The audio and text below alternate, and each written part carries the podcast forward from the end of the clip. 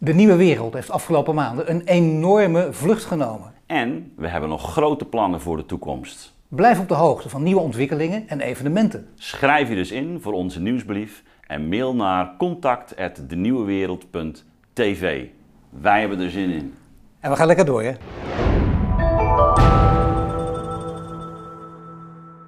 Welkom bij De Nieuwe Wereld. Gesprek in een tijd van verandering. Mijn naam is Paul van Diem. Ik ga praten met Victor Vlam. Hij is Amerika-kenner.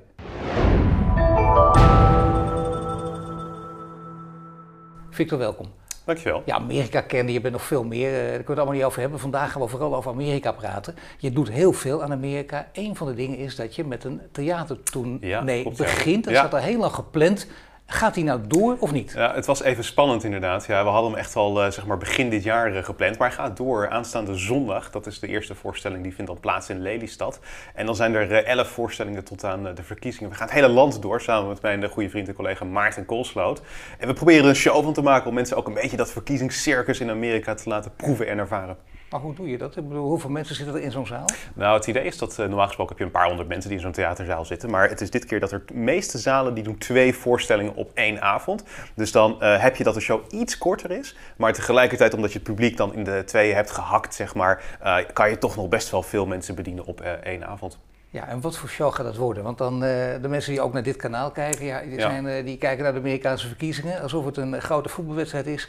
Eh, wij kijken er volgens mij toch gewoon naar. Het zijn twee politici, zo moet je ze Ja. beoordelen. We zijn eh, Ja. niks fan. Niet Nee. fan van de een, niet fan van de Nee. ander. Twee politici tegenover elkaar. Ja. Maar ja, je, je ziet dat het ook een, eh, een, ja, een soort sportwedstrijd ongeveer lijkt te zijn. Ja, en dat is niet altijd goed inderdaad hoor. Want ik denk dat dat wel een van de problemen is in Amerika. Dat het als een soort van bokswedstrijd. Al die debatten ook, die worden vaak gezien meer als een sport dan iets anders. Maar we proberen mensen ook context en duiding te geven. Want een van de dingen die, die Trump vaak als verwijt krijgt, is dat hij niet presidentieel is. Dat hij heel veel dingen doet die gek zijn. En vergeleken met zijn paar directe voorgangers is dat zeker zo. Die waren vrij keurig. Maar als je in de geschiedenis gaat kijken van de Verenigde Staten, er zitten echt hele gekke presidenten tussen. Ja. Lyndon B. Johnson in de jaren 60 had de neiging, het is heel goor, om met de deur open te poepen en zijn adviseurs daar op de wc uit te nodigen. En dat deed hij heel bewust met het idee van, ik wil gewoon zorgen dat mijn tijd zo goed mogelijk besteed wordt. Ik heb maar een paar, of 18 uur per dag om te werken. Ik wil dat het zo efficiënt mogelijk wordt ingedeeld. Dus op de wc gaan we gewoon vergaderen. Nou ja, als Trump dat morgen zou doen, dan zouden we dat allemaal verschrikkelijk vinden.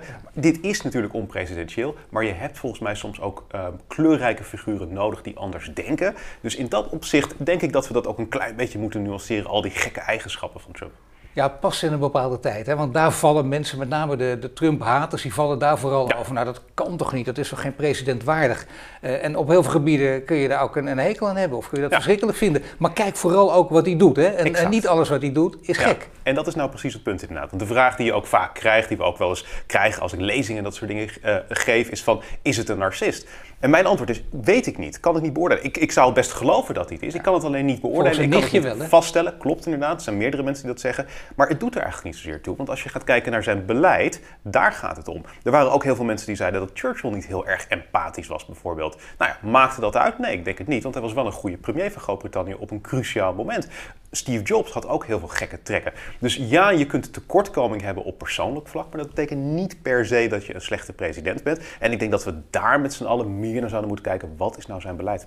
Je ziet ook eh, dat de media daar vaak anders over denken. Je hebt eh, de, de kwaliteitsmedia in Amerika. Ja. New York Times, Washington Post. En mensen beginnen altijd te lachen. Haha, kwaliteitsmedia. Nou, dat is natuurlijk flauwekul. Op heel veel gebieden zijn ze het ook. Ze doen heel veel onderzoek. Ze hebben nog steeds grote redacties.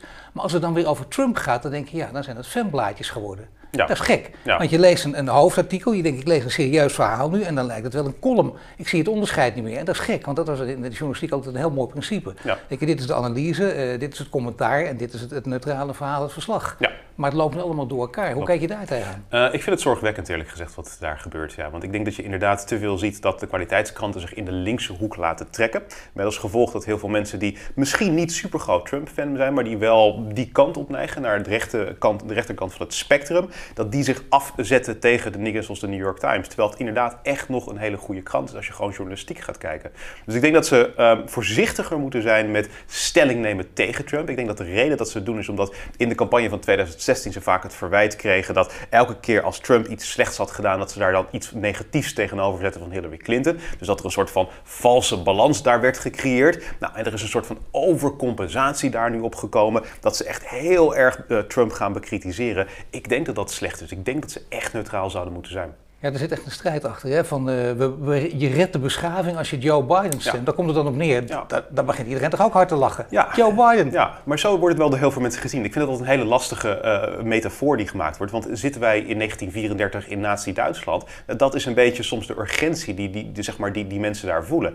En het zou kunnen. Ik bedoel, we weten het natuurlijk allemaal niet wat deze tijd, hoe we daar later op gaan terugkijken. Maar het probleem met die metafoor vind ik altijd dat op het moment dat je dat uh, zo ziet, dan is bijna alles geoorloofd. Dan is het geoorloofd om inderdaad hele negatieve uh, kranten vol te schrijven over Trump. Want dan is Trump Hitler in die, in die vergelijking. Dus ik denk dat we allemaal de temperatuur van het debat wat meer moeten laten, moeten laten bekoelen, als het ware.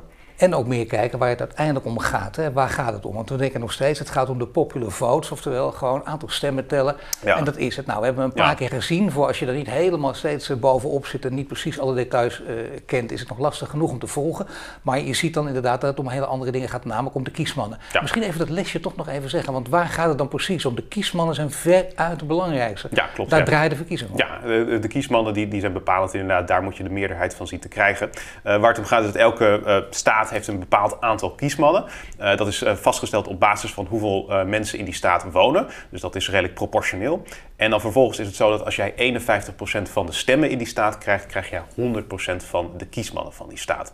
Dus zo kan het inderdaad gebeuren dat jij in theorie minder stemmen hebt gekregen landelijk, maar dat je toch uiteindelijk meer kiesmannen, dat is natuurlijk gebeurd in 2016. daar, daar, daar zitten van die discrepanties daar, maar dat kan gebeuren, maar het gaat inderdaad echt om die kiesmannen. Ja, en dat wil zeggen dat het niet gemanipuleerd is met die verkiezingen. Nee. Worden alle spelletjes ingezet, maar ik bedoel uiteindelijk die kiesmannen, daar wordt gewoon geteld en gekeken. Dus ik noem maar wat, een, een vrij kleine staat, Delaware, met, met twee of drie kiesmannen, die doen er niet zo toe, niet zo belangrijk. Nee. Uh, een grote staat als, uh, als Florida, uh, als, als Californië, ja. 54. ja, maar Californië doet er ook niet echt toe, want Californië gaat waarschijnlijk naar de, naar de democraten. democraten. Dus feitelijk waar het om gaat zijn vooral de staten inderdaad waar het nog echt ontspant. Ja, de swing states, oftewel de battleground states. En die inderdaad redelijk groot zijn. En Florida is natuurlijk het beste voorbeeld daarvan, want het is een hele grote staat. En tegelijkertijd zie je ook dat het een staat is met, ja, gewoon waar, waar het echt beide kanten op zou kunnen gaan, zeg maar. Nu is het wel heel interessant, hè? Uh, uh, Florida, we gaan er zo meteen op door. Dat is, dat is een hele belangrijke, want dat ja. kan beide kanten op. Dus altijd, dat zijn de, de, daar moet je dus echt al je, je geld en je tijd bijna in stoppen. Ja. Want de rest is al min of meer verdeeld.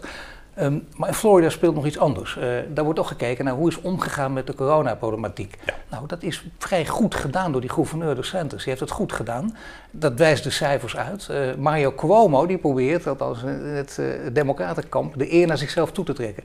New York, de staat New York, heeft het veel beter gedaan. Wie heeft er gelijk als je hier nou echt een fact-check op loslaat? Um, dat is lastig om te zeggen, want we zitten er nog middenin.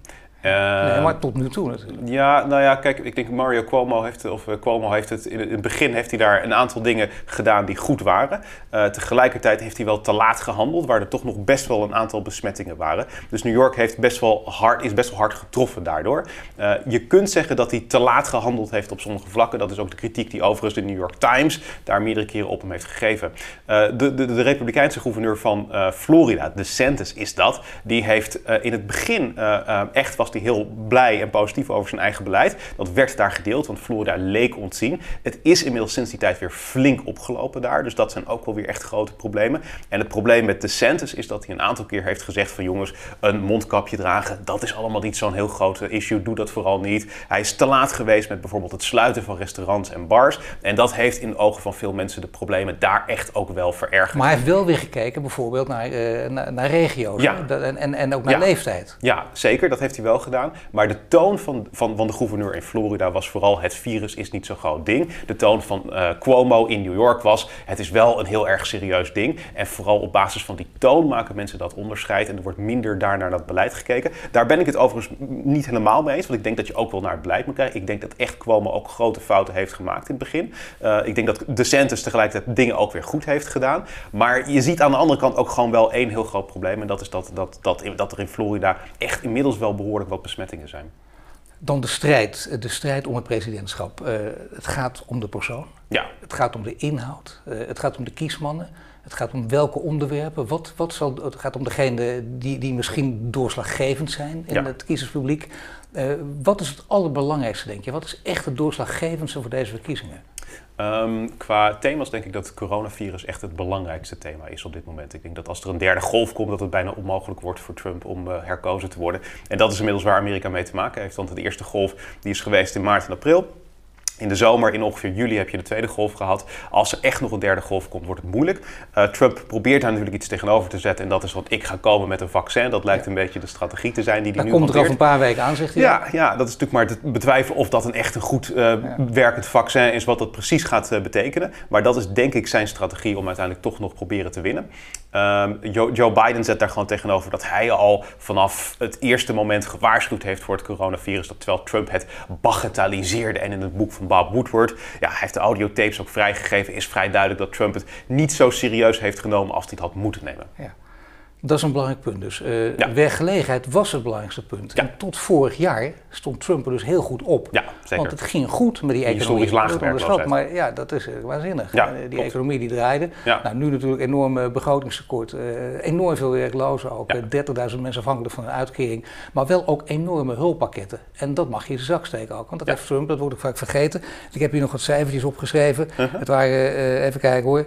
2000, een steunpakket van 2000, want dat zijn die rare bedragen tegenwoordig, hè, 2000 miljard ja. dollar. En natuurlijk ja. steun medisch en sociale voorzieningen. Uh, financieel stelsel uh, dat misschien op, op zijn grondvesten trilt ook vanwege dit soort idiote bedragen. Maar dat is ook gebeurd. Kan hij dat nog eens een voordeel laten spelen? Of denk je dat dat mag je niet doen, dat had elke president gedaan? Nee, ik denk dat je dat wel Trump mag uh, aanrekenen. Eigenlijk denk ik dat hij dat wel goed heeft gedaan. Ik denk dat in de ogen van mensen is het ook wel zo dat de economie, dat ze daar Trump echt nog wel op vertrouwen. Uh, want je had het over die historisch lage werkloosheid die er was. Heel veel mensen zeggen Trump heeft ervoor gezorgd dat het supergoed ging met de economie. Nou, het gaat nu wat slechter, dat is vanwege het coronavirus. Maar dan moeten we uiteindelijk gewoon de man die ervoor gezorgd heeft dat het toen goed ging, nu weer de kans geven om de economie weer gewoon goed op gang te krijgen. Ja, wat, wat zullen de Democraten daar tegenover stellen? Zij zeggen dat Trump niet verantwoordelijk is voor de economie. Dat het gewoon de Obama-economie is die Trump heeft voortgezet feitelijk. Uh, en dat de Obama-economie is natuurlijk de Biden-economie, zeggen zij, want Biden was vicepresident onder Obama. Dus zij zeggen dat het geen prestatie is van Trump. Wat je daar, als je daar gewoon heel objectief naar kijkt, moet ik er wel bij zeggen, geen enkele president is echt verantwoordelijk voor de economie. De economie is veel te groot om echt gewoon door één persoon daadwerkelijk gewoon beïnvloed te kunnen worden. Dus in de marge kan je als president er invloed op hebben, maar dat is relatief beperkt. Speelt uh, het thema China nog een grote rol? Waar natuurlijk uh, Trump bepaalde slagen heeft gemaakt, hè? om het maar eens zacht ja, uit te drukken. Ja die daar ook, waar die ook veel sympathie mee gekregen heeft, ook ja, van tegenstanders. Zeker. Even kijken, ja. hebben die durft door te pakken. Is dat, is dat een, een, op zijn Engels een minor issue of gaat het een, grote rol spelen? Nou, in de campagne is het een minor issue. Dat komt eigenlijk omdat presidentscampagnes en, en überhaupt verkiezingscampagnes in de Verenigde Staten voor 5% over buitenlands beleid gaan en voor 95% over binnenlands beleid. Ook als ze heel erg samenhangen? Nou, het, het opmerkelijk is, als je dus president bent, is het precies andersom. 95% van de tijd ben je, 95% van de tijd ben je bezig met buitenlands beleid en 5% met binnenlands beleid. Maar het is een minor issue, maar tegelijkertijd is dit wel, als je het hebt over welke buitenlandse onderwerpen ertoe doen, dan is dit wel degene die er toch wel een klein beetje op zijn minst toe doet. Omdat hij gezegd heeft dat hij China ging aanpakken, hij heeft het ook gedaan en heel veel van zijn kiezers die waarderen dat echt. En een van de opmerkelijke dingen die je ziet is dat ook bijvoorbeeld de democraten niet zeggen dat zij het radicaal anders gaan doen. Ze zeggen dat ze het smarter gaan doen, ze zeggen dat ze het beter gaan doen, maar als ze dan gevraagd worden wat concreet ga je veranderen, ga je die handelsoorlog bijvoorbeeld direct beëindigen, nou, dan zie je toch dat daar wel over wordt getwijfeld. Dat is niet per se iets waar ze ja op zeggen. Dus ik denk eerlijk gezegd dat die houding naar China, dat heel veel mensen daar inderdaad vol lof over zijn. Ja. Dan heb je ook nog de rol van, uh, van oorlogen. Trump is een aantal van die grote oorlogen niet begonnen. Uh, nee. Obama heeft dat wel gedaan. En ja. Uh, hoogleraar Amerika Amerikanistiek die ik sprak, die zeggen dan tegen mij: kijk daar goed naar. Amerika moet je niet onderschatten. Uh, er zijn namelijk heel veel veteranen of, of mensen die, die wel een veteraan kennen. Dus ze ja. weten allemaal precies hoe het daar werkt. En Amerikanen hebben geen vertrouwen in de overheid, hè, maar nog steeds niet, minder, maar toch niet. Wel in defensie vinden ze belangrijk. En ze weten dus hoe dat werkt. Ja. Als het daarover gaat, dat onderwerp, is dat iets voor Trump om mee te scoren? Of kan Biden daar ook iets mee? Nee, dit is echt een onderwerp voor Trump. Trump, zijn grote troef hier is eigenlijk gewoon heel simpel. Ik ben de enige recente president die geen nieuwe oorlog is begonnen. En dat is echt waar, want uh, Obama is natuurlijk naar Libië gegaan. George W. Bush is naar Afghanistan en Irak gegaan. Nou, zo kun je best wel een heel aantal presidenten teruggaan die allemaal een oorlog zijn begonnen. En Trump niet. En er is echt een soort van vermoeidheid in Amerika. Het idee dat wij de wereld moeten redden, dat denken Amerikanen dan, dat kost ons levens, dat kost ons geld en het levert ons helemaal niets op. En dat is iets wat Trump heel sterk vertegenwoordigt en waar denk ik heel veel van zijn kiezers ook echt ontzettend uh, achter ja, in sommige gevallen zelfs ook uh, reservisten gestuurd, hè, dat ze dachten, nou die sturen maar naar die oorlog, want uh, straks hebben we de echte militairen nodig voor een nog belangrijke oorlog, waardoor ja. je in zekere zin landgenoten offert. Dat ja. is natuurlijk ook een verhaal wat ingezet gaat worden. Ja, zeker. Ja. ja. Nee, maar precies wat jij zegt, heel veel mensen kennen inderdaad gewoon mensen mensen die naar Irak en Ja. Afghanistan zijn gestuurd in het verleden. En dat zijn natuurlijk ook mensen van de lagere sociale klasse. Hè? Want dat is, dat is natuurlijk het vrijwillige leger wat je hebt op dit moment. Eh, als jij gewoon eh, een goede opleiding hebt gehad, dan ga jij je niet opgeven voor het leger. Dus het zijn de mensen die armer zijn, die uit armere delen komen, de Trump-staten, die daar onevenredig hard door zijn getroffen. En die mensen zijn blij dat Trump geen nieuwe oorlog is begonnen. Nu zijn eh, veel democraten, met name ook buiten Amerika, die zijn altijd heel verbaasd over het feit dat, eh, dat de democraten met niemand beter kunnen komen dan Biden. Dus Ja. dat, dat is, eh, ik zeg, we, Ja. weten niet, we weten niet of Trump een narcist is, we weten we wel dat Biden, dat, dat, dat er iets, dat er iets mis is in zijn hoofd of niet? Of kunnen we dat ook niet zeggen? Ik denk dat je het niet kan zeggen. Ik, ik, ik, ik, zou zeker, op basis van wat ik van hem gezien heb, vind ik niet dat hij echt heel erg seniel, zoals de Trump-campagne zegt, De overkomt. een dement, de ander narcist. Ja, dat gaat wat mij betreft eh, echt, echt een, een- heel aantal stappen te ver. Eh, ik denk wel, en dat Het zou wel wat zijn trouwens. Ja, dat zou Eh, vreselijk eh, zijn, ja. ja. Maar ik, het enige wat ik zeg is dat, dat je wel kunt zien dat, dat, dat Biden minder scherp is dan in 2008 en 2012. Hij is natuurlijk inmiddels 77. Je merkt het aan het feit dat hij gewoon zich wat vaker verspreekt. In die debatten tijdens de bijvoorbeeld eh, eh, democratische voorverkiezingen zaten er gewoon onhandige opmerkingen. Dat heeft hij in het verleden ook wel gedaan, maar het lijkt vaker te gebeuren. Toen was het nog sympathiek ook. Hè? Dan, Ja. zat er nog wat meer energie ook in. Toen past het ook in een andere tijd. Maar nu denk je, het kan bijna niet meer. Nu Nee. weer zo'n moment dat, Amerika, dat de democraten denken, onder Clinton ook, hè? we gaan zeker winnen. Deze verkiezing kun je niet verliezen. Het lijkt er nu bijna weer op. Ja. Ondanks deze president, maar gezien de omstandigheden. Maar het is de meest inspiratieloze campagne die er ooit is gevoerd door de Democraten. Want Joe Biden komt bijna zijn huis niet uit. Dat is echt gewoon schokkend om dat te zien. Hij heeft af en toe een virtueel event. Nou ja, dat zijn er dan een paar per week. Eh, heel soms geeft hij een speech. En je ziet hem bijna nergens. Ik zat naar de pagina van zijn website te kijken van de week. En ik zat, daar, daar, daar vragen ze om vrijwilligers. Obama had natuurlijk een leger van 2 miljoen vrijwilligers. En de pagina voor Bidens eh, vrijwilligers die was niet geüpdate sinds de voorverkiezingen. En dat geeft wel alles aan. Er zijn geen mensen die zich in willen zetten voor de Biden-campagne. Het enthousiasme is er gewoon niet. Dus ik denk dat hij nog steeds een kans maakt, omdat heel veel mensen tegen Trump gaan stemmen. Maar die gaan niet voor Biden stemmen. Biden is eigenlijk volstrekt irrelevant in deze campagne. Het is wel heel gek dat hij zich niet laat zien. hè. Kijk, Victor Vlam die gaat gewoon op tournee, weet je wel, in coronatijd. Ja. Het lukt ook en heel creatief. Ja. Maar goed, je bedenkt, die had hij ook kunnen doen zijn campagneteam helemaal. Dat er toch iets gebeurt met kleine publiek en dat het toch mooi uitziet. En je kunt het fantastisch in beeld brengen als je het goed doet. Ongekend. En dan ook nog geen andere kandidaten. Hoe komt dat? Zijn ze er echt niet? Of zijn ze in een, in een onderlinge machtsstrijd, eh, hebben ze elkaar eh, ten onder geschoven? Wat is daar gebeurd? Ja, het probleem met de Democratische Partij is dat ze zelf verscheurd zijn intern. En je ziet eigenlijk dat die partij eh, in twee vleugels is opgedeeld. Je hebt aan de ene kant de linkervleugel van Bernie Sanders. En dat is eigenlijk SP links. Het is, we- we- vroeger zagen we de, de Democraten in Nederland als een soort van VVD light. Ja. D- dat is dat niet. Bernie Sanders is net zo links als Lilian Marijnissen. Het is extreem, extreem links. Aan de andere kant heb je een soort van D66-vleugel. Die is inderdaad aanzienlijk minder links, maar die is wel heel erg elitair. En het probleem is een beetje dat beide vleugels, als ze een kandidaat zouden afvaardigen, waarschijnlijk de verkiezingen niet zouden kunnen winnen. En daarom hebben ze iemand gekozen die eigenlijk nog vlees, nog vis is. Dat is Joe Biden. Het is het beste alternatief wat ze hebben, juist omdat hij niet uitgesproken is. Ja, is er niet iemand eh, in beide vleugels eh, te vinden? De, de beide vleugels die nu tegenover elkaar staan, die in ieder geval eh, meer presence heeft. Waarvan je denkt, nou dat is iemand die wel aansprekend is. Want Ja, dat kan ja. uiteindelijk natuurlijk ook doorslaggevend zijn. Ja. Iemand met, met, met een enorm charisma. Is die in de verste verte te vinden? Misschien voor volgende verkiezingen? Of zie je die ook niet? Nou, ze, ze zijn er wel. Maar kijk, je hebt iemand zoals Alexandria Ocasio-Cortez. Ook veel in het nieuws geweest zeker. in Nederland. Iemand die echt onverwacht heeft gewonnen in 2018. Ze is nu nog te jong. Ze mag officieel nog niet eens gaan voor het presidentschap. Omdat eh, dat je volgens de grondwet moet je 35 zijn. Ehm, Maar goed, in de toekomst. eh, Gewoon Ja, als je zeker. kijkt naar haar politieke Ja. talent. Ze is ongelooflijk gewoon knap op social media bezig om daar mensen aan zich te binden. En daarom heeft ze echt een, een machtsbasis geweten te vormen in het congres. Dus ik zie haar in de toekomst wel dit soort dingen doen. En eh Piet, Piet Buttigieg, hoe uh, Ja, spreek ik hem uit? Pete Buttigieg.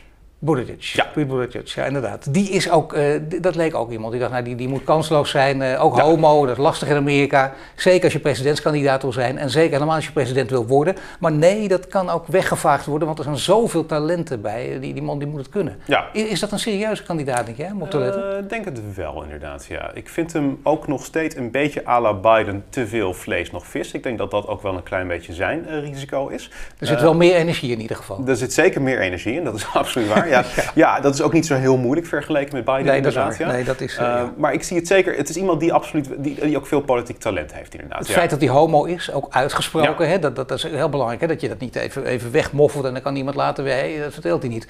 Dat speelt in zijn voor- of zijn nadeel, of denk je dat het uiteindelijk geen rol zal spelen? Ehm, ik denk dat het niet zo'n hele... Nou, misschien, misschien nog een kleine rol. In conservatieve staten kan dat wel in zijn nadeel werken, denk ik. Dus echte religieuze staten zou dat misschien moeilijk kunnen zijn. Het probleem waar hij ook tegenaan liep in de voorverkiezingen... dat sommige democraten dat ook een best wel lastig nog steeds vinden. En dan moet je bijvoorbeeld denken aan de zwarte kiezer... die echt heel belangrijk is voor de Democratische Partij. Dat zijn wel vaak mensen die naar de kerk gaan, conservatief zijn. Dus daar toch nog een klein beetje een lastige verhouding mee hebben met homoseksualiteit. Dus in die zin kan het in zijn nadeel werken. Toch zijn hier de kaarten ook redelijk geschud. En je weet ongeveer, die groep die zal wel eh democraat zijn, die zal op de Republikeinen stemmen.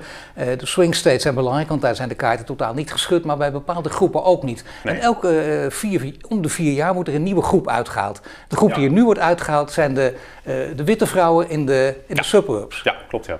Ja, wat veel mensen niet weten is dat eh, de witte vrouwen de vorige keer in meerderheid niet op de eerste vrouwelijke president zouden hebben gestemd, maar op Trump. 52% van de witte vrouwen die heeft op Hil- niet op Hillary Clinton gestemd, maar op Donald Trump. Nou, dat betekent dat eh, het gaat allemaal om kleine marges. Hè. Je kunt met, met een paar mensen hier en daar kan je de verkiezingen winnen of verliezen.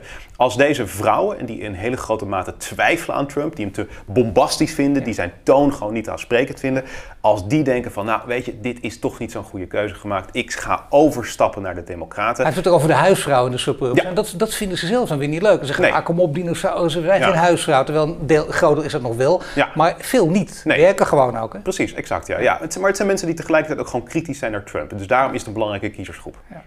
Dan eh, de jongeren. Eh, we weten allemaal nog eh, ten tijde van Brexit dat er een alternatieve verkiezing eh, werd uitgeschreven na Ja. de verkiezingen. Als de jongeren waren gegaan, dat komt eigenlijk zelden voor, dat, dat de uitslag dan zo verschillend is, dan was de uitslag echt zo verschillend geweest dat de andere kant op was gegaan.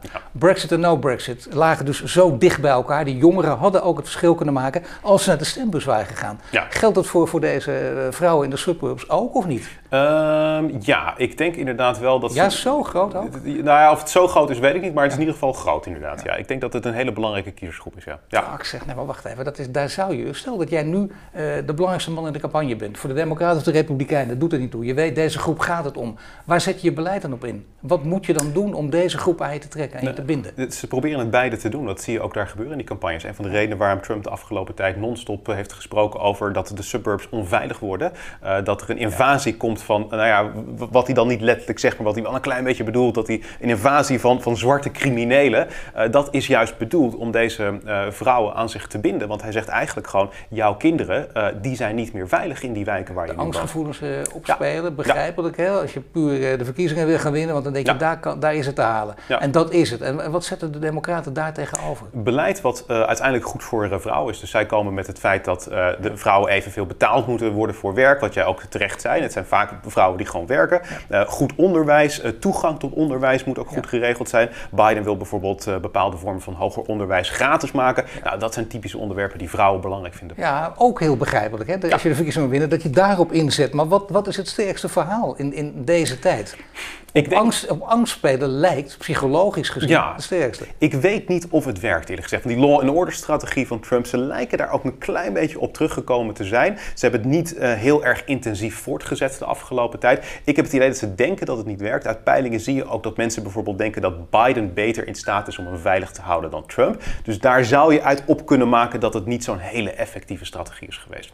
Je had het net even over de, de social media. Dat is ook een heel, heel mooi verhaal eigenlijk, omdat het tot Ja. heel veel misverstanden leidt. Eerder gezegd bij mij ook, heel lang geleden. Het begon in zekere zin bij Obama.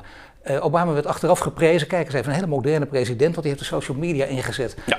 Later bleek, eh, toen je ook met, met de, laten we zeggen, de hoogleraren sprak die daar onderzoek naar verricht hebben, langdurig onderzoek naar verricht, die zeiden nee, het gaat niet om de social media aan zich, het gaat vooral om de database. Die is veel belangrijker. Ja. Hoe zit dat precies? Nou, dat, eh, wat, wat je eigenlijk doet als campagne is dat je allerlei eh consumentendatabases opkomt waarmee je kan voorspellen hoe mensen gaan stemmen. Dus dat is heel concreet zelfs. Stel dat je bijvoorbeeld gaat kijken naar wat voor snoepgoed mensen lekker vinden. Het kan letterlijk zo zijn, en dit is zo. Heb jij een voor, laat ik het aan jou vragen. Heb jij een voorkeur als je moest kiezen tussen een Twix of pinda M&M's. Wat zou je dan kiezen? Ik zeg pinda M&M's. Dan zou jij volgens uh, de, de, de, zeg maar de data van, van de campagnes in de Verenigde Staten republikeins stemmen. Uh, omdat dat iets is wat meer door republikeinen wordt gekocht dan door democraten. Nou is dat natuurlijk één datapunt en zegt dat nog niet zo heel veel. Maar als je snoepgoed en alcohol en drankjes en al die andere dingen, je auto bijvoorbeeld, rij je elektrisch, dan ben je waarschijnlijk een democraat. Als je dat allemaal samenvoegt, dan kan je echt een heel concreet beeld krijgen van wat voor, wat voor persoon iemand is en of iemand gaat stemmen en waarop iemand gaat stemmen. En je kunt zelfs al een beetje achterhalen wat de belangrijke thema's zijn. Als iemand een wapenvergunning heeft, dan weet je waarschijnlijk dat dat wapenrechten ontzettend belangrijk zijn. Dus dan kun je zelfs een flyer daar in de bus doen bij iemand die ja, benadrukt wat jouw kandidaat voor wapenrechten gaat betekenen. Obama, maar daar hebben we het over 2008, hè, dat, dat, heel lang geleden in zekere zin alweer.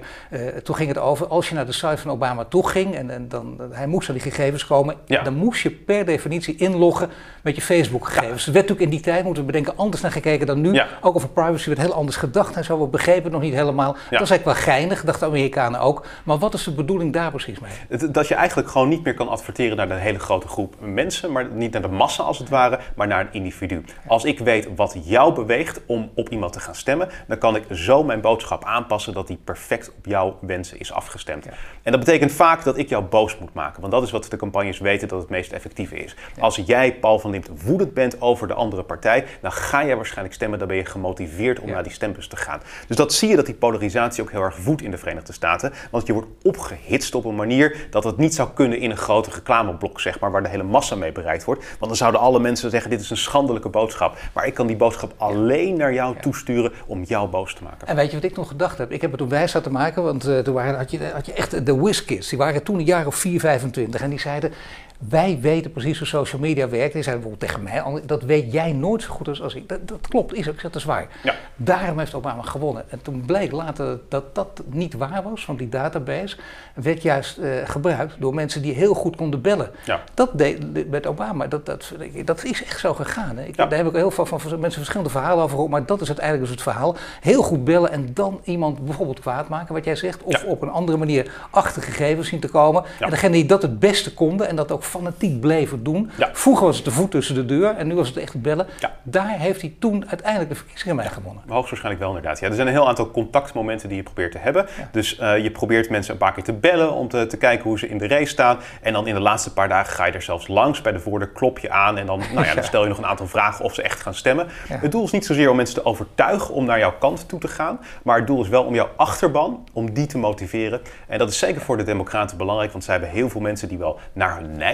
maar die bijvoorbeeld uh, twee banen hebben, die 12 uur per dag moeten werken. Ja. Die hebben niet altijd tijd om te gaan stemmen, dus die moet je motiveren om te gaan stemmen. Daar moet je ja. echt achteraan zitten en dat, daarom zijn die contactmomenten zo belangrijk. Ja, dat is waar. Want uh, hoeveel mensen gaan er stemmen? Gemiddeld is het ongeveer 50 Ja. Daar kun je van uitgaan. Het is uh, vrij laag. Daar is toch een wereld te winnen. Ja. Of moet je daar gewoon heel reëel in zijn? Moet je zeggen, nou nee, dat is sinds jaar en dag is dat ongeveer zo. Dat verschilt niet veel. Gaat er echt niet vanuit dat je denkt uh, dat 60% gaat stemmen. Waarschijnlijk in het voordeel van de democraten. Ja.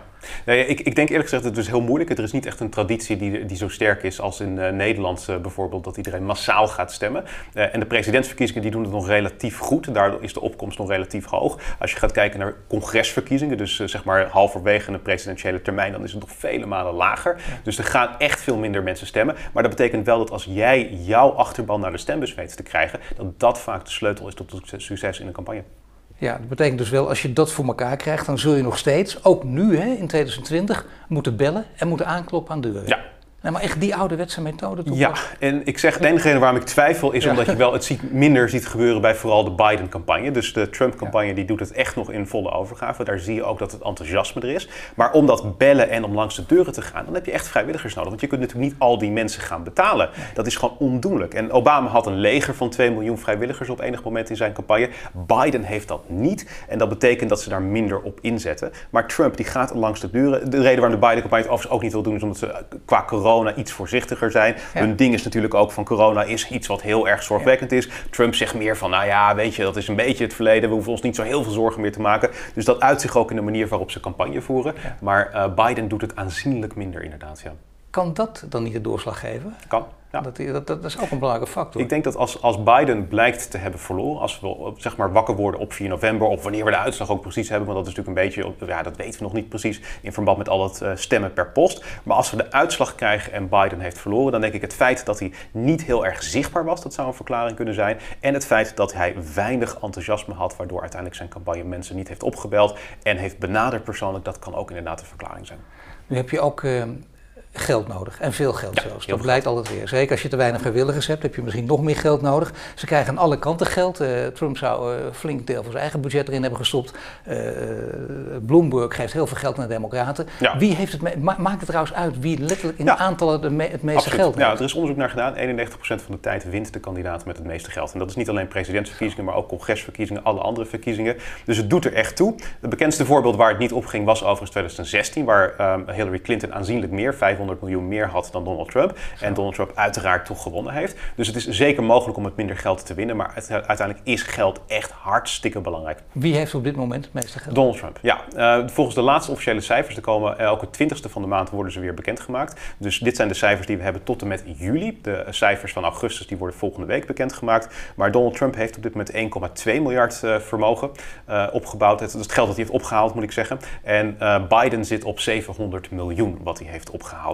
Dus dat is echt ook wel weer een flink verschil. Maar Biden is wel aan het inlopen. Dus de verwachting is dat ze nogal relatief dicht bij elkaar komen te zitten. Het probleem wat de Trump-campagne heeft, is dat ze wel veel geld hebben opgehaald. Maar, en daar komt het, ook heel veel geld hebben uitgegeven al tijdens de voorverkiezingen. En dat blijkt achteraf wat onverstandig te zijn, want ze hebben wel cashflow-problemen. Dus daarom overweegt Trump om zijn eigen geld. Dat is eigenlijk niet heel erg gebruikelijk. Uh, normaal gesproken doe je dat niet. Andere mensen doneren aan jouw campagne. Je geeft niet geld uit aan je eigen campagne. Maar daarom overweegt Trump 100 miljoen in zijn eigen campagne ja, Wat was trouwens de reden dat je dat niet doet? Is, wordt, dat, wordt dat dus niet chic gezien? Of, of waarom mag dat nee, niet? Nee, dat mag wel. Er zijn kandidaten die het ook wel doen. Alleen de meeste mensen zijn rijk geworden omdat ze ergens toch een klein beetje zuinig zijn. En dat is Trump ook wel inderdaad. Ja. Dus uh, ja, het is gewoon zonde om je eigen geld erin uit te geven. Andere mensen willen graag uh, doneren. En daarnaast is het ook zo dat er wel een link bestaat. Hoe meer jij uh, aan je eigen campagne besteedt, hoe ja, groter de kans is dat je verliest. Grote miljardairs, dat moet ook wel gezegd worden. Steve Forbes in 2000 bijvoorbeeld is ook een bekend voorbeeld. Die heeft echt heel veel geld in zijn eigen campagne gestoken en die heeft uiteindelijk toch niet gewonnen. Mensen zien dat als een beetje iets geks eigenlijk, daar komt het op neer. Intussen, uh, het, het, enorme cliché van de, de, enorme rare, vreemde, gekke tijden. Dus uh, nog minder voorspelbaar dan ooit, natuurlijk ook in Amerika. Ja. Plus uh, echt andere omstandigheden. En, en je kunt allerlei historische vergelijkingen maken. Je hebt al gezegd, vaak zijn die misplaatst, moet je echt mee oppassen. Maar de maatschappij kan wel ontwrichten als armoede groot wordt. Ja. En zeker door onvoorziene omstandigheden als corona nog groter wordt. Zeker. Met die enorme aantallen uh, mensen die afhankelijk zijn van uitkeringen, die dan niet al te hoog zijn in Amerika. Uh, en mensen ook uh, die wapens hebben. burgeroorlog, hè? Friedman, de keurige, keurige columnist zou ik bijna zeggen van, van New York Times, die riep, ja dat kan wel degelijk bestaan. Daarvoor waren dat, werd dat meteen, werd je meteen als een gekkie weggezet als je dat riep. Toen riep hij dat en toen was het bijna salonveeg om te roepen. Wat is de huidige situatie? Zijn er heel veel mensen van enige invloed, mensen die impact hebben, ook in Amerika, die vinden en denken dat dit werkelijk kan gebeuren? Dat hier echt een, een burgeroorlog staat te wachten? Het is, nou ja, het lastige is, kijk, het is nu natuurlijk niet actueel. Het is, het, is niet iets waarvan je zegt van dat gaat morgen gebeuren. Maar het is wel iets wat op de loer ligt voor de Verenigde Staten. Want je ziet wel dat elke verkiezingen steeds weer, dat het steeds meer gespannen wordt en dat je steeds meer geweld ziet. Een paar weken geleden hebben we die demonstraties van Black Lives Matter gezien, waar op een gegeven moment Trump-demonstranten uh, gewoon letterlijk in gevecht mee gingen. Uh, als je de, de, verkiezingen van twee jaar geleden, de congresverkiezingen erbij pakt, dan zie je dat een Trump-aanhanger op een gegeven moment daar 18 democraten en CNN uh, bombrieven heeft gestuurd. Dat is ook wel heftig wat er aan het ja. gebeuren is. Dus je ziet wel een escalatie van die spanningen die er zijn en dat uit zich steeds vaker in geweld. Nou denken we direct bij een burgeroorlog aan twee legers die tegenover elkaar staan. Nou, dat gaat niet zo snel gebeuren. Maar als je het bijvoorbeeld vergelijkt met de Troubles van Noord-Ierland bijvoorbeeld, dat er gewoon die constante spanningen en terroristische aanslagen zijn, ja, dan denk ik eerlijk gezegd dat dat op zich wel iets is wat realistisch zou kunnen zijn voor de Verenigde Staten. Nou ja, natuurlijk. En dat heeft inderdaad met Black Lives Matter te maken, met, de, met deze deze, deze grote strijd, eh, die, die, hè, onder het kopje identiteit. Maar Ja. daarnaast natuurlijk ook het economische verhaal. De Ja. armoede. Ja. Toenemende armoede. Nou, dat is echt gigantisch. Dat zijn, als je die cijfers ziet, schrik je toch rot. Absoluut. En dan denk je, ja, dat, dat is dus precies wat, wat ook de definitie is van maatschappelijke ontwrichting. Mensen hebben niets meer te verliezen en dan, dan maakt het ook niet meer uit. Ook mensen waar je het voorheen iets van zou verwachten, laten zeggen keurige beschaafde burgers en die zijn ten einde raad en die, die, die gaan ook plunderen. Ja, en dat zie je absoluut. Ik denk dat een van de onderbelichte thema's is hoe eh, veel eh, armoede er is in die echte typische Trump-staten. Als je naar Alabama en, en, en bijvoorbeeld eh, Louisiana ook gaat kijken, eh, Mississippi is ook een typische Trump-staat, dan zie je dat in sommige counties daar 40% van de mensen onder de armoedegrens eh, leeft. 40%, dat is echt enorm. En dan kijk, kijk je naar andere problemen. Dan zie je dat obesitas daar gewoon, gewoon, gewoon, gewoon echt een enorm groot probleem is. Mensen hebben geen breedband internet. Je ziet dat er gewoon een totaal ander leven is. Die mensen hebben inderdaad niet zoveel te verliezen. En het is niet alleen die economische dingen, maar het is ook dat gevoel dat op hen wordt neergekeken vanuit de elite in New York en in Californië. En dat is heel erg wat dat Trump-sentiment voedt. Ja, het bekende verhaal, de deplorables. Ja, dat is zeker. Ik iets denk dat de grootste fout is van Hillary Clinton die ze daar gemaakt heeft in die campagne. Dat ze gewoon leek neer te kijken op de gewone man. En ik moet eerlijk zeggen, je- je- hoe je het ook uitlegt, ze heeft nooit echt haar excuses ervoor aangeboden. Ze heeft altijd een beetje volgehouden dat inderdaad wel een deel van de Trump-achterban deplorable is. Dat is echt wel een schande dat ze dat soort dingen zegt. Want dat zijn gewone mensen die ze afschrijft. Ja, en bovendien eh, nog een grotere schande. Het is, het is echte armoede. Dat wil zeggen, het is, het is ook derde wereld. Ik bedoel, je, je wil, dat wil je niet. Dat Nee. wil de Amerikanen zelf ook niet. Hè? Dat, dat, het Nee. grootste, eh, America first, ook als, als Trump, als je dat, dat roept, dan wil je niet dat je een land hebt dat voor deel eh, als derde wereld wordt gezien. Nee, exact, en, als, ja. en niet alleen Ja. wordt gezien, maar het ook werkelijk is. Ja. Maar is dat, is dat te groot? Of zeg je, nou, dat, willen Amerika-kenners ook nog wel eens andere definities op plakken? Dat doet er denk ik toch wel toe. Is dat echt zo? Is dat voor het gemak dat je even zegt derde wereld? Of zeg je, nou nee, dat is, dat is werkelijk zo. Het zijn dezelfde leefomstandigheden. Het, het, het- weet je, het, is, het is heftig. Ik, ik, ik, weet niet, ik vind het moeilijk om te vergelijken met andere delen van de wereld. Ik weet niet of dat nou per se gepast is. Ik geloof best dat het elders erger is. Maar ik geloof het probleem in de Verenigde Staten is ook vooral het contrast tussen arm en rijk dat zo verschrikkelijk groot is. En ik geloof ook dat dat het veel erger maakt voor de mensen die in armoede leven. Want op het moment dat jij daar in een van die counties woont waar er 40% armoede is en je ziet dat er andere counties ontzettend rijk zijn, dat het daar allemaal goed gaat, dan baal je daarvan. Maar ook het maatschappelijk debat. Er was vorig jaar binnen de Democratische Partij een debat over of illegale immigranten gratis eh, zorg moeten krijgen, gratis een zorgverzekering. Ja, ik kan me voorstellen dat als jij daar in een verschrikkelijke armoede leeft en je kunt zelf niet eens je eigen eh, ziektekostenverzekering betalen en dan is er een debat over of illegale immigranten het gratis moeten krijgen. Ik kan me voorstellen dat je daar oprecht woedend over bent. En dat zijn dus mensen die op Trump gaan stemmen. Dat betekent eh, in Amerika eh, dat het niet goed voor staat. Eh, dat Amerika wel vaak gezien wordt als ons voorland. Ook al zijn we natuurlijk niet vergelijkbaar. We kennen het hele verhaal, maar heel veel dingen gebeuren eerst in Amerika en dan bij ons. Dat cliché bestaat nog steeds. Ja. In- Inderdaad, een waarschuwing, echt alarmbellen laten rinkelen in Europa. Ja. Dat dat niet gaat gebeuren. Ik eh, denk dat we daar absoluut naar moeten kijken, inderdaad. Ik denk dat de, de, de kloof tussen de twee eh, Amerika's ontzettend groot is geworden. En ik denk dat wij moeten kijken naar, is de kloof ook niet in onze samenleving te groot geworden? En ik denk dat de oplossing niet is om alleen maar te zeggen, Trump is slecht en we moeten van hem af. Ik denk dat het ook een taak is voor mensen die eh, in Amerika hoger opgeleid zijn, om te luisteren naar de mensen die het slechter hebben. Want die kloof tussen hoog en laag opgeleid, die is in Amerika super groot. Ik denk dat we dat in Nederland bijvoorbeeld ook zien, dat die kloof echt aan het groeien is. En ik zie ook heel veel mensen in mijn omgeving die allemaal nou ja, D66 stemmen en die toch afgeven op mensen die in de provincie wonen, die het minder goed hebben. En dat er eigenlijk wordt gezegd van ja, dat zijn mensen die eigenlijk niet nodig hebben in Nederland. Het zijn vaak racisten, het zijn mensen die achtergesteld zijn. En ik vind dat zo ongelooflijk kwalijk, want als je één samenleving bent, dan moet je elkaar respecteren, dan moet je ook elkaar kunnen waarderen voor de eigenschappen die de ander heeft. En dat zie je steeds minder worden. Nee, precies. Want dat is, als je dat niet doet, dat is inderdaad het recept. Letterlijk is dit wat je nu omschrijft, het recept voor ontwrichting. Ja. En daar vrezen mensen ook eh, voor na de Amerikaanse verkiezingen. Want het zal wel een grote strijd worden over eh, ga- ga- bijvoorbeeld de president, de huidige president Trump. Als hij verliest, gaat hij het ook toegeven. Waardoor je dus Ja. bijna iedereen toch in het kamp komt. Hij gaat ermee manipuleren, de andere partij gaat dat zeker niet doen. Zijn ze allebei in staat om, en, en zie je ze ook allebei in staat om alles te doen om die verkiezingen te gaan manipuleren als het waarschijnlijk eh, op, op, een narrow escape gaat uitdraaien? Ik denk dat, uh, dat absoluut ja. De, de, de, de, democratische kandidaat staat ook onder zo'n druk om niet zomaar zijn verlies toe te geven. Dus ik kan me best een scenario voorstellen waarbij Trump nipt de verkiezingen heeft gewonnen. Dan zullen heel veel democraten zeggen, ja weet je, misschien is er wel iets niet helemaal in de haak. Misschien moeten we het maar niet toegeven. Misschien moeten we maar een, een rechtszaak starten. Weet ik veel wat. Iets doen om het allemaal te vertragen. Er is uh, uh, campagneleiders uit eerdere campagnes uit het verleden. Die hebben een soort van uh, spel gespeeld deze zomer. Waarbij zij um, als andere kandidaat, als, als de kandidaten zeg maar, van het heden uh, hebben gedaan. Wat zouden ze doen met verschillende uitslagen? En uit dat spel bleek eigenlijk dat bij elk nipt scenario. Zowel de Republikeinen als de Democraten de uitslag niet accepteren. En dat is wel echt zorgwekkend hoor. Want dat zou echt een heel groot probleem zijn voor de Amerikaanse democratie. Ja, en dit, omdat dit vaak wordt geschetst. En jij zegt het is heel reëel. Eh, anderen zeggen ook, nou, zover zal het altijd de sussende woorden, de deken eroverheen leggen. Maar dit is dus echt reëel. Ja. Dat, dat dit gewoon kan. En dat, ja. is, dat is dan wel een, een slecht voorbeeld voor Ja, alle democratieën in de wereld Dat is heel slecht, ja. ja. En het is nog, het, het, het is in het verleden is er wel wat gebeurd, hè? Maar niet op deze manier. Nee.